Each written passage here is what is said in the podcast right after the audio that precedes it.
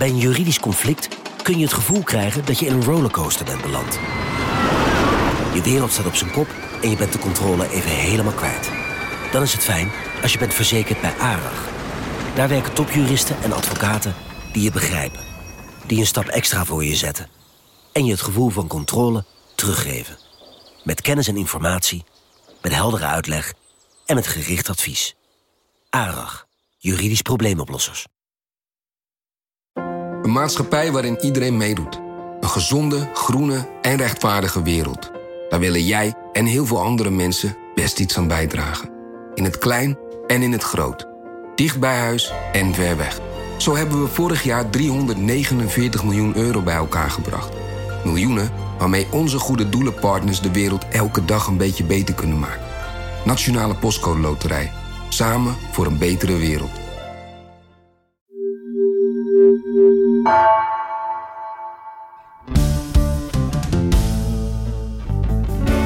We leven in turbulente tijden. Veranderingen gaan razendsnel.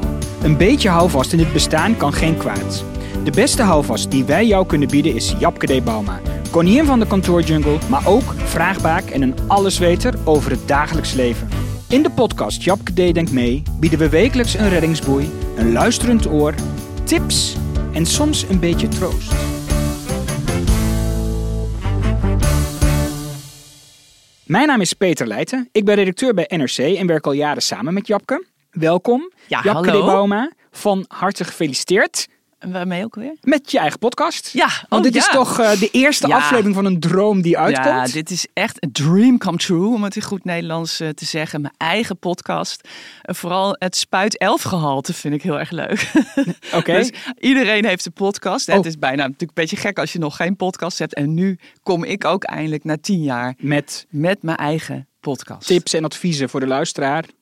Ik noemde jou net in de, in de inleiding eh, koningin van de kantoorjungle. Ja, En wat, bedoel, leuk. wat bedoel ik daar eigenlijk mee? Nou, ik schrijf natuurlijk al heel lang over kantoor. Ik ben begonnen als hardcore kantoor eh, columnist. Dus echt alle verschrikkelijke dingen, ergernissen, eh, stukjes uit de neus in het toetsenborden. eh, hoe gedraag je je op het kantoortoilet? Nou ja, noem alles maar. Hoe krijg je een hoger salaris? En eh, langzaam maar zeker is dat een beetje verbreden naar carrière. Maar het was de afgelopen elf jaar wel altijd kantoor en werk. En, en hoe, ga je daarmee jij, om? En hoe denk jij over kantoor? Nou, ik was altijd mm, aan, mm, ja, dat, dat, heeft zich, dat is een beetje veranderd.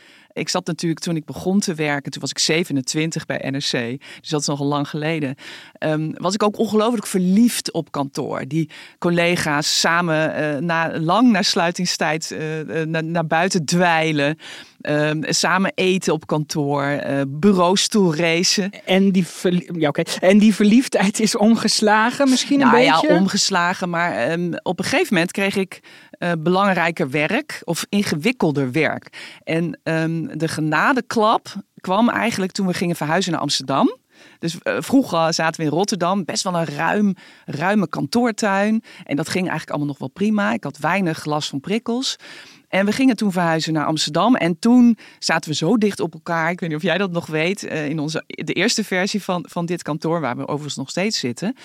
Ehm, en dat is op een gegeven moment een beetje geëxplodeerd. Dus ik ben daar uiteindelijk ook, ja, kom ik achteraf achter, eh, heb ik daar een soort burn-out van opgelopen. Dus ik, ik schreef de hele tijd over die kantoortuin en hoe lastig het was om, om dat soms te overleven. En ik gaf mensen tips en ik ging mensen interviewen.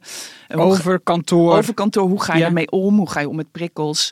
Eh, hoe ga je om met geluidsoverlast? Hoe ga je om met geurtjes van collega's? En al die tijd had ik eigenlijk niet door dat ik daar zelf best wel behoorlijk gek eh, van begon te worden. Ja. Ehm, en ik weet nog dat ik toen op een gegeven moment schreef: eh, de flexplek, werken op een flexplek is de hel.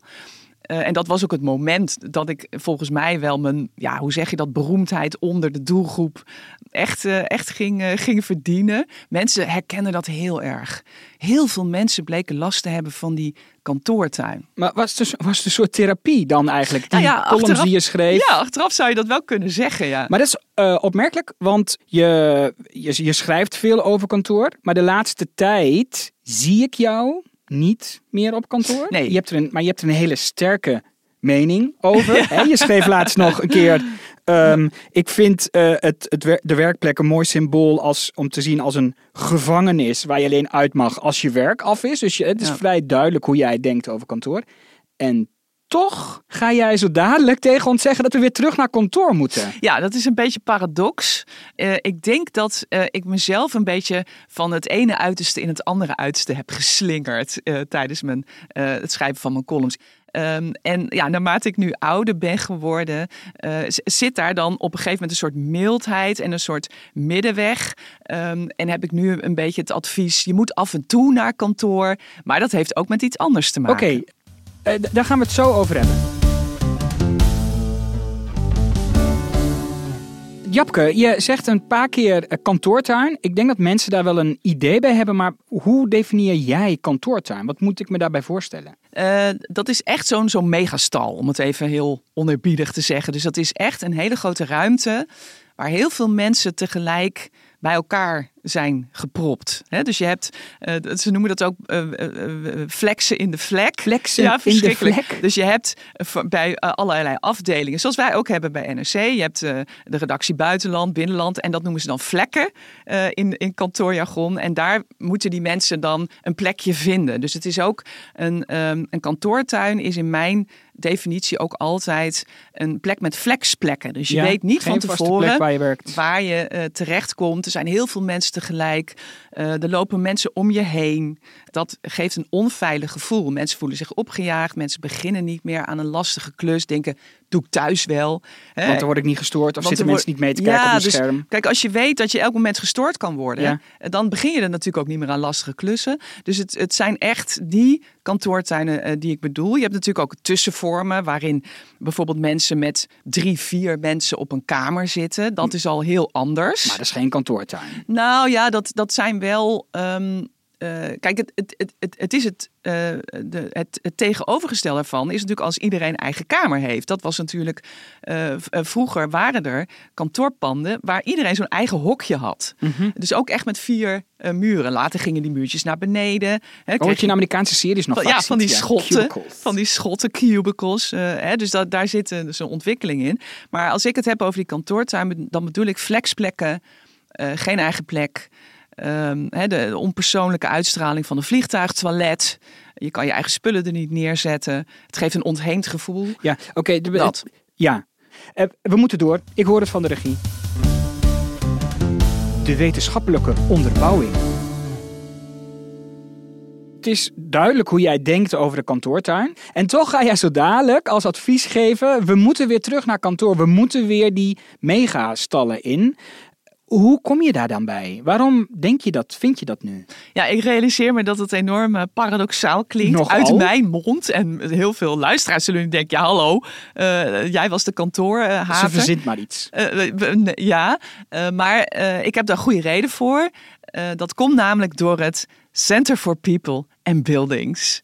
Dat, Het Center, Het center, people, ja, het for People and het Buildings. Center for People and Buildings, dat is een heel degelijk, een beetje saai zoals het hoort bij een wetenschappelijk instituut. Eh, dat doet onderzoek eh, naar wat is nou de beste plek voor mensen om te werken. Wat voor soort gebouwen, wat voor soort inrichting van die gebouwen, wat voor soort omstandigheden. En dat doen ze al jaren onderzoek naar. Ze zijn gelieerd aan de, aan de TU Delft. Eh, ze kijken naar de effecten van thuiswerken, de effecten van prikkels op het brein, effecten van de inrichting. En wat zijn, wat zijn prikkels, effecten van prikkels op het brein? prikkels, andere collega's. Maar, eh, hè, dus Ja. het lawaai van andere collega's. Maar bijvoorbeeld ook eh, kleuren.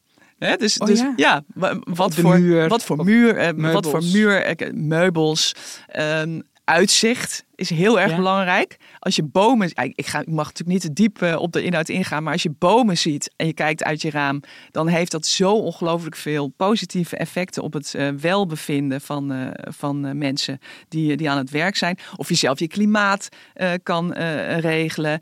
Wat zijn nou de belangrijkste redenen voor ziek melden? Nou ja, noem maar op. Hè. Dus hoeveel mensen op een kamer is, is, is de beste verhouding. En daar doet dit center Ja, onderzoek naar. Dus, daar, nou ja, ze doen zelf onderzoek, maar ze, ze zetten eh, eh, enorme enquêtes uit eh, onder Nederlandse bedrijven en, en, en instanties. Dus ze hebben heel veel informatie over hoe, hoe ervaren mensen hun werkplek. En ze combineren natuurlijk. Eh, ook allerlei buitenlandse onderzoeken eh, die ze doornemen en daar eh, conclusies uittrekken. Heel veel mensen die denken misschien dat ik eh, de afgelopen elf jaar alles uit mijn duim heb gezogen. Ja, ja, ik denk dat wel Zo, eens. ja, jij denkt dat vooral natuurlijk. Maar dat, dat is allerminst het geval. Er ligt dus, het is een beetje raar om natuurlijk van jezelf te zeggen, maar er, ligt een wetenschappelijke basis onder. Ik, ik, ik schrijf natuurlijk ook heel vaak overdreven dingen op. Dat moet ook als je columnist bent. Eh, maar dat komt eh, ook voor een heel groot gedeelte van dat Center for People and Buildings. Ik vind de naam al geweldig. Ehm, die ik heel vaak heb geïnterviewd. Ik ben, eh, vaak, of ik ben een keer naar een congres van, van hun geweest in Utrecht. Ehm, en ik heb ook nog een andere wetenschapsmattie. Dat is Stefan van der Stichel. Hij is hoogleraar cognitieve psychologie aan de Universiteit van Utrecht. En met hem heb ik ook heel veel gesproken. Vooral over dat brein. Dat is zijn specialiteit. Dus wat, wat zijn de effecten eh, als je mensen ergens neerzet, en dan vooral in die grote megastal, eh, wat doet dat met het brein van, eh, van mensen? Dus dit tot zover de wetenschappelijke onderbouwing. Oké, dan is het nu tijd voor de hamvraag. De hamvraag nu Ja. al.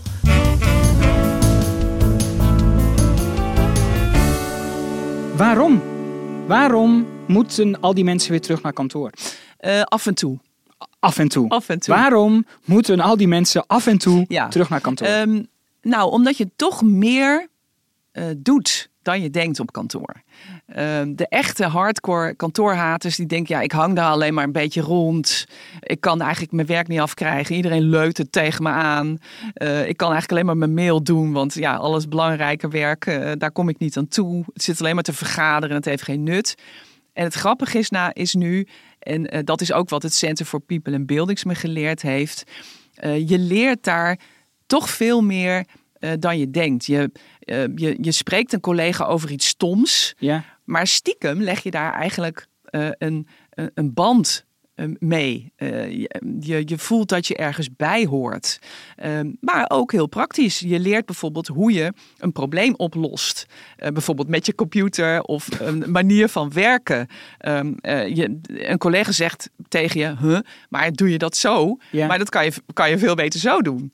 En daar heb ik het niet eens over. Het komt alleen over oude mensen zoals ik, die, die handige tips daardoor leren. Maar ook iedereen. Eh, maar je, je leert ook wie bijvoorbeeld de nieuwe chef artificial intelligence is. Dat je denkt, oh, die doet dat. Daar kan ik eens een keertje naartoe Omdat gaan. je hem ziet lopen. Omdat, je, nou, omdat iemand op een vergadering zegt, of iemand in een, eh, in een, eh, in een volle zaal met collega's zegt van, oh ja, hij is tegen, of zij is tegenwoordig chef AI. Dat je, oh ja, daar kan ik, daar kan ik naartoe gaan. Ehm, en, en, en zo zijn er eigenlijk heel veel factoren, ehm, eh, handige eh, weetjes en dingetjes. Ehm, je, je, je, maakt een. eh, eigenlijk, ja, hoe zou ik het zeggen, olifantenpaadjes binnen die kantoorjungle, snelle routes die, die je leert. En het is stiekem natuurlijk ook gewoon voor je sociale leven is het best wel lekker als een keertje iemand iets tegen je zegt. En, heel belangrijk, je wordt ook weer eens tegengesproken. Als je de hele dag thuis zit, dan doe je alles op je eigen manier. Ehm, en als je weer eens naar kantoor gaat, dan zegt iemand: Hé, hey, hou eens je mond dicht. Het klopt helemaal niet. Dit, dit doe jij zo, maar dit moet je anders doen. Ja, dus dat is ook heel goed voor Ja, je. dus als je de hele tijd thuis werkt, zit je op alle vlakken in een iso- isolement. Ja, ehm, en wat ik me niet gerealiseerd heb, is ook dat je werk uiteindelijk slechter ervan wordt. Oh ja. Ehm, eh, als je altijd alles op dezelfde manier doet. En dan heb ik het echt over die verstokte thuiswerkers. eh, Die nu misschien beginnen te, eh, te mopperen van ja, maar oh, ik doe het hartstikke goed en ik blijf lekker thuis zitten. Eh, het is af en toe wel eens goed om op een trap onder je hol te krijgen. Maar ook een keer, het is ook goed om eens wat nieuws te horen en te leren. Nou, het is ook voor de mensen die altijd op kantoor werken. Ik ben er daar dus eentje van. Eh, prettig om collega's om je heen te hebben. ja. Eh, en dat zijn ook de mensen die altijd thuiswerken. Is het fijn dat ze ook eens een keertje hun gezicht laten zien. Omdat wat jij vertelt over de ontvanger, dat is ook voor degene die eens een keer wat wil zeggen tegen een collega. Ook prettig om dat face-to-face Ja, te en, en er zijn heel veel dingen eh, die je alleen maar, ehm, eh, ja, hoe zeg je dat? Die je alleen maar van, van aangezicht tot aangezicht Mhm. kan zeggen. Neem alleen al de, de knipogen of de manier waarop je kritiek geeft, bijvoorbeeld. Ja, dat mag de, de feedback heet dat, hè? Oké. eh, tegenwoordig. Ehm, eh, iets heel zwaars, wat echt iemand tegen je moet zeggen. Dat kun je het beste doen als je ook iemand in de ogen kan kijken. Soms juist niet. Soms is het juist hartstikke handig om even een appje te sturen. Eh, maar er zijn sommige dingen die gewoon fijner zijn als je ze van een persoon hoort. Je kan even met iemand in een hokje gaan zitten. eh, als voor de hele zware dingen. Ehm, en dat aspect, dus al die dingen bij elkaar, Ja. eh, die heb ik misschien toch een beetje onderschat de afgelopen vier jaar. hey, we moeten nu naar het We moeten door. Ja, we moeten door Ja, naar het advies. advies voor de luisteraar. Want eh, het advies is dus, ga weer allemaal naar kantoor. Ja. Maar we willen niet naar kantoor. Of ja, ik wel, maar veel mensen willen niet naar kantoor. De verstokte thuiswerkers. Ja. Hoe gaat het lukken om die mensen weer naar kantoor te krijgen? Eh, nou, je kunt heel praktisch denken aan een toeslag. Dus je krijgt gewoon geld als je Als weer je naar komt. kantoor komt. Eh, dat klinkt nou natuurlijk belachelijk, want de mensen die op kantoor werken krijgen dat dan niet. oh Ehm, nee? Nou ja, eh, Oh. daar, moeten we, daar, moeten we dan, daar moet je als werkgever over hebben. Ja. Ehm, maar uiteindelijk is dat misschien een hele sterke stok achter de deur om mensen weer naar, het, naar het werken te krijgen.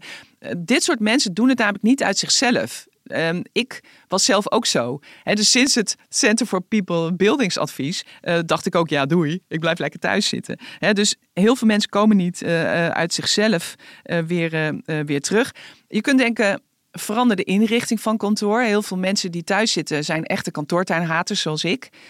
Dus ga bijvoorbeeld, zorg voor voldoende stilteplekken. Ja. De, eh, hele afdelingen kun je stilteafdelingen maken, net zoals in de UB bijvoorbeeld. Eh, Daar werkt Universiteitsbibliotheek. Universiteitsbibliotheek. Daar ik dan werkt- zeggen. Da- Dank je. Daar werkt het ook. Dus waarom niet in de kantoortuin? Voldoende vergaderruimtes. Heel veel mensen staan soms te vergaderen op de gang of eh, in een, in, gewoon naast hun bureau, waardoor andere mensen niet kunnen werken. Denk aan geluiddemping.